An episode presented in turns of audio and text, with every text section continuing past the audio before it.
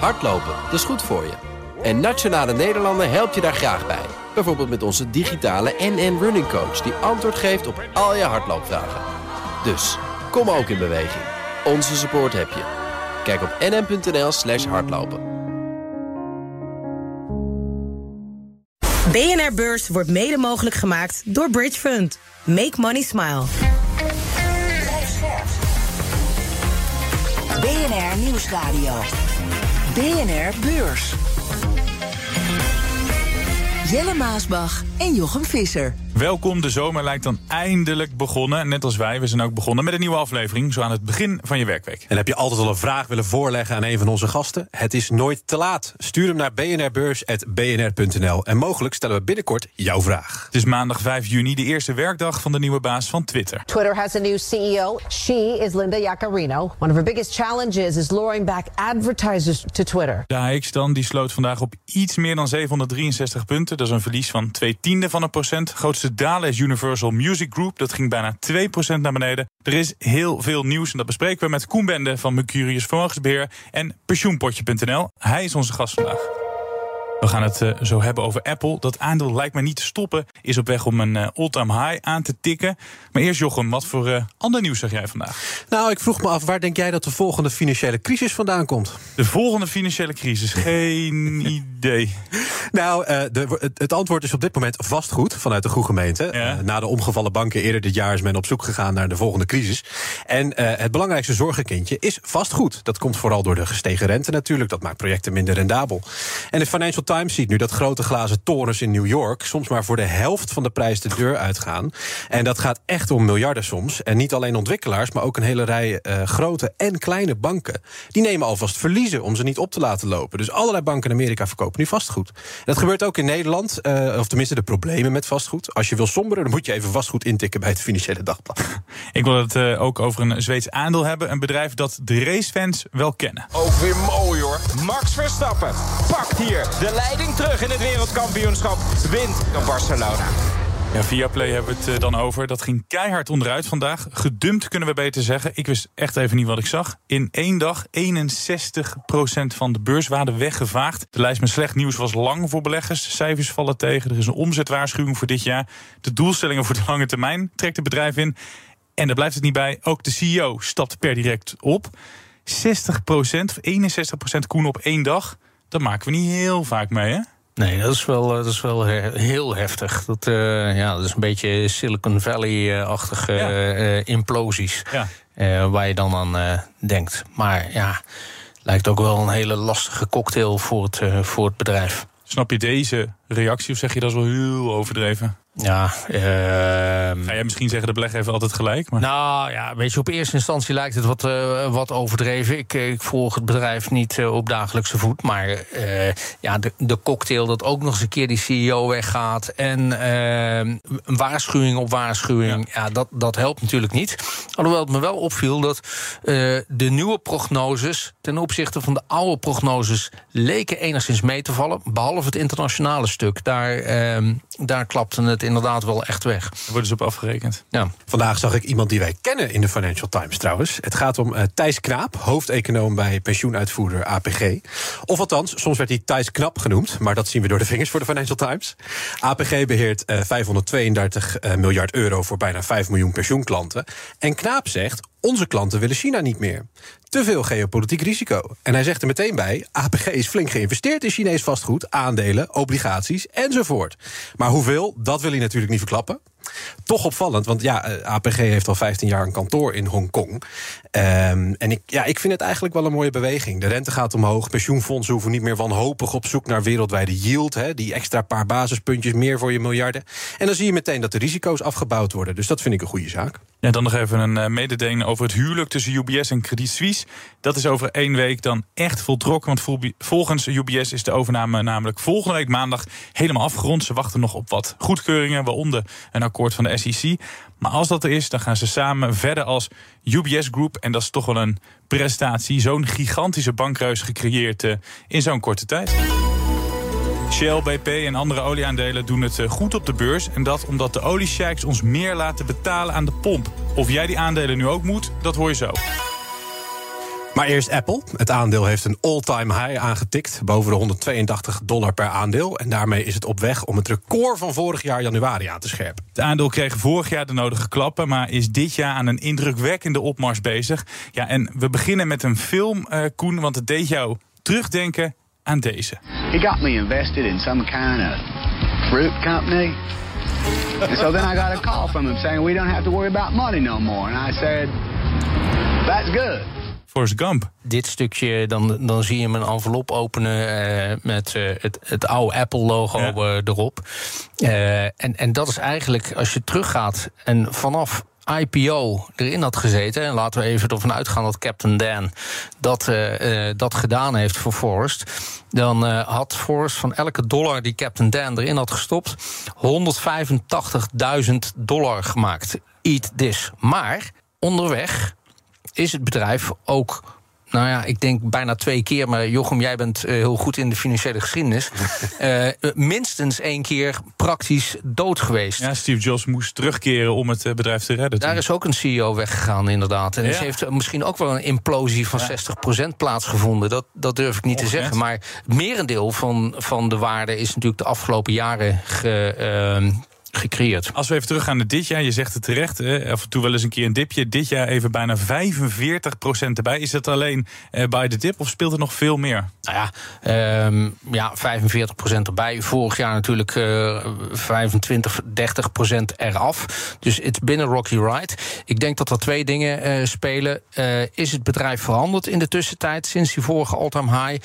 Ja, als je uh, kijkt, twee jaar geleden kwam 100% van de iPhone-productie uit China. -hmm. Inmiddels is er 7% van die productie naar India verplaatst. En dat moet 25% uh, gaan worden. Dus ze zijn uh, los daarvan proberen ze nu ook in India meer voet aan de grond te krijgen. Het risicoprofiel van Apple daarmee is wel breder aan het worden.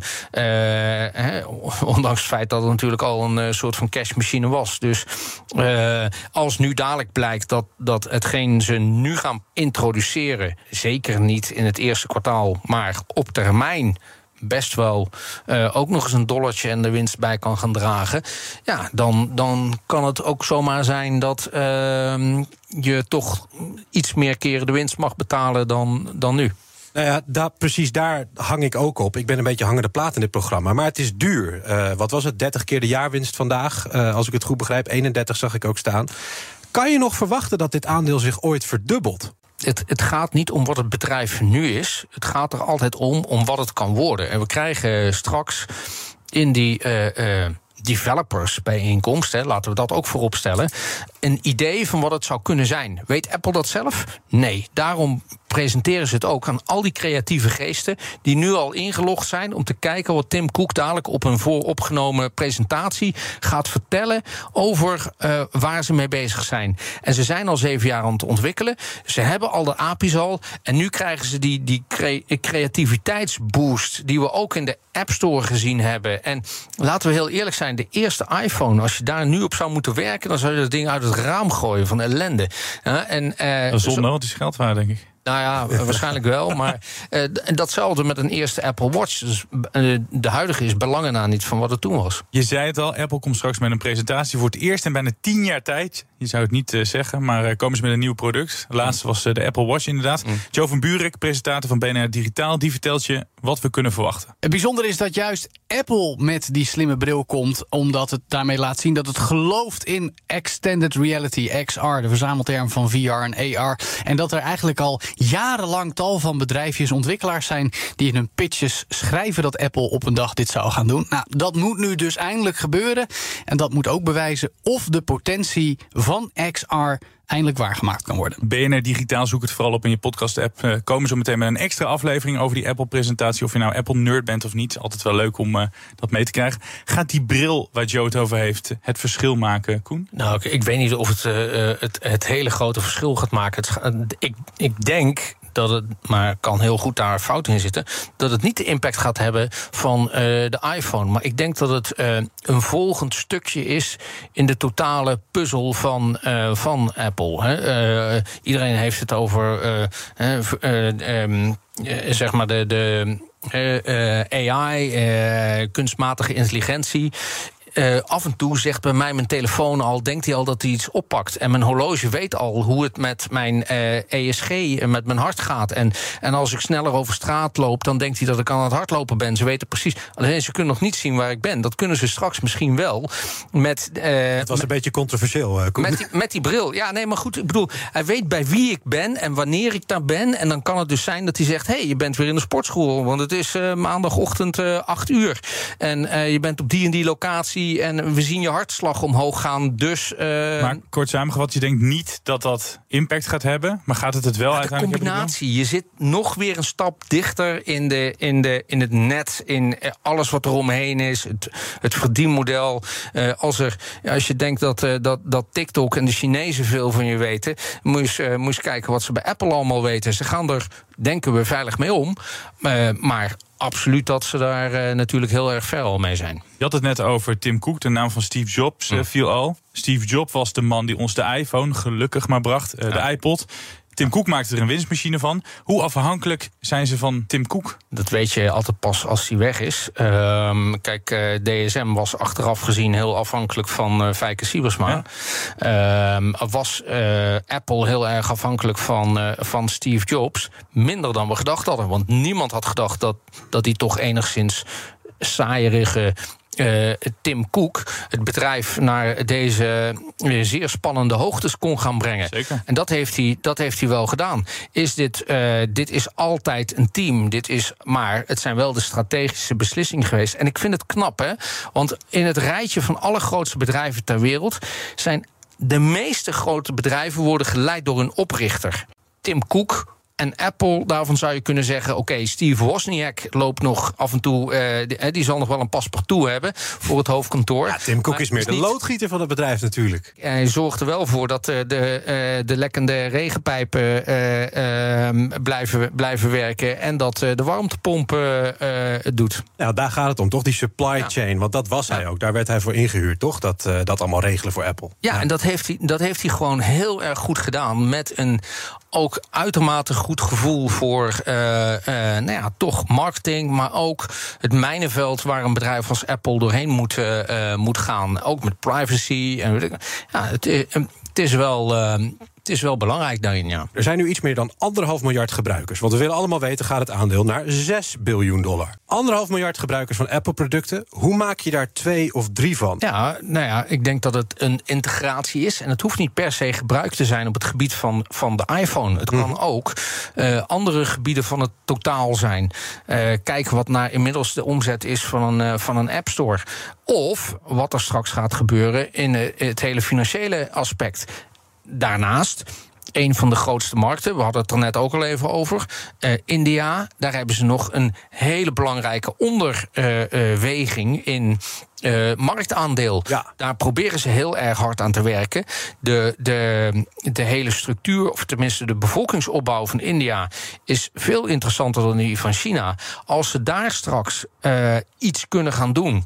eh, en ook telefoons gaan uitrollen, ook al is het een wat goedkoper model. Maar ja. Ik denk dat dat. eh nou hebben we het nog niet gehad over, over bijvoorbeeld Afrika of andere continenten. Maar ik denk dat. Ja, gaat dat zijn?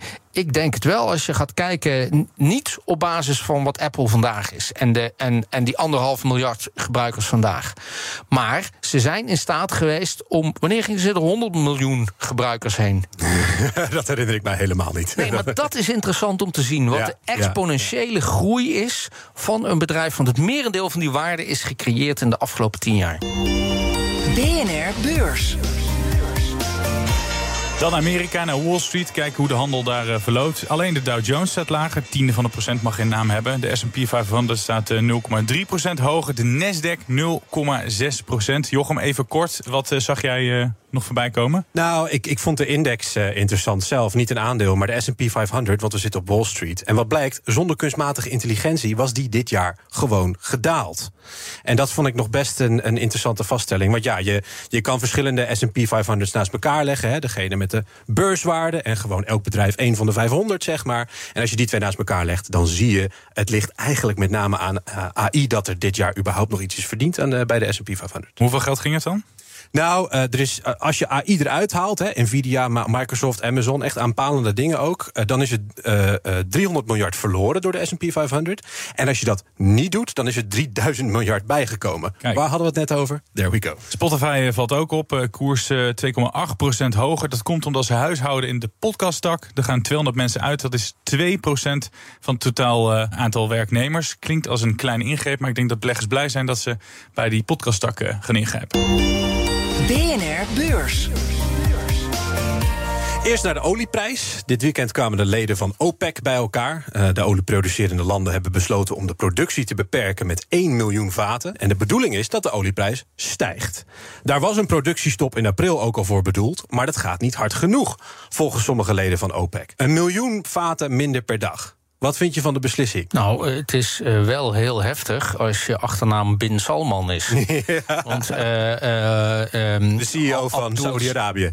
Eh, nou, de CEO, maar zijn halfbroer is eh, de minis- minister die verantwoordelijk is voor OPEC. Eh, en ja, de familie eh, Bin Salman is nog steeds in hoge mate afhankelijk voor het rondmaken van hun huishoudboekje voor de olieprijs. Van de olieprijs. En ze hebben 80 dollar per vat nodig om eh, rond te kunnen komen. Het is 72 dollar. En dan gaan ze ook nog eens 1 miljoen vaten per dag. Dus dat is 80 miljoen dollar per dag. 30 dagen, 2,4 miljard dollar in de maand juli aan extra gat.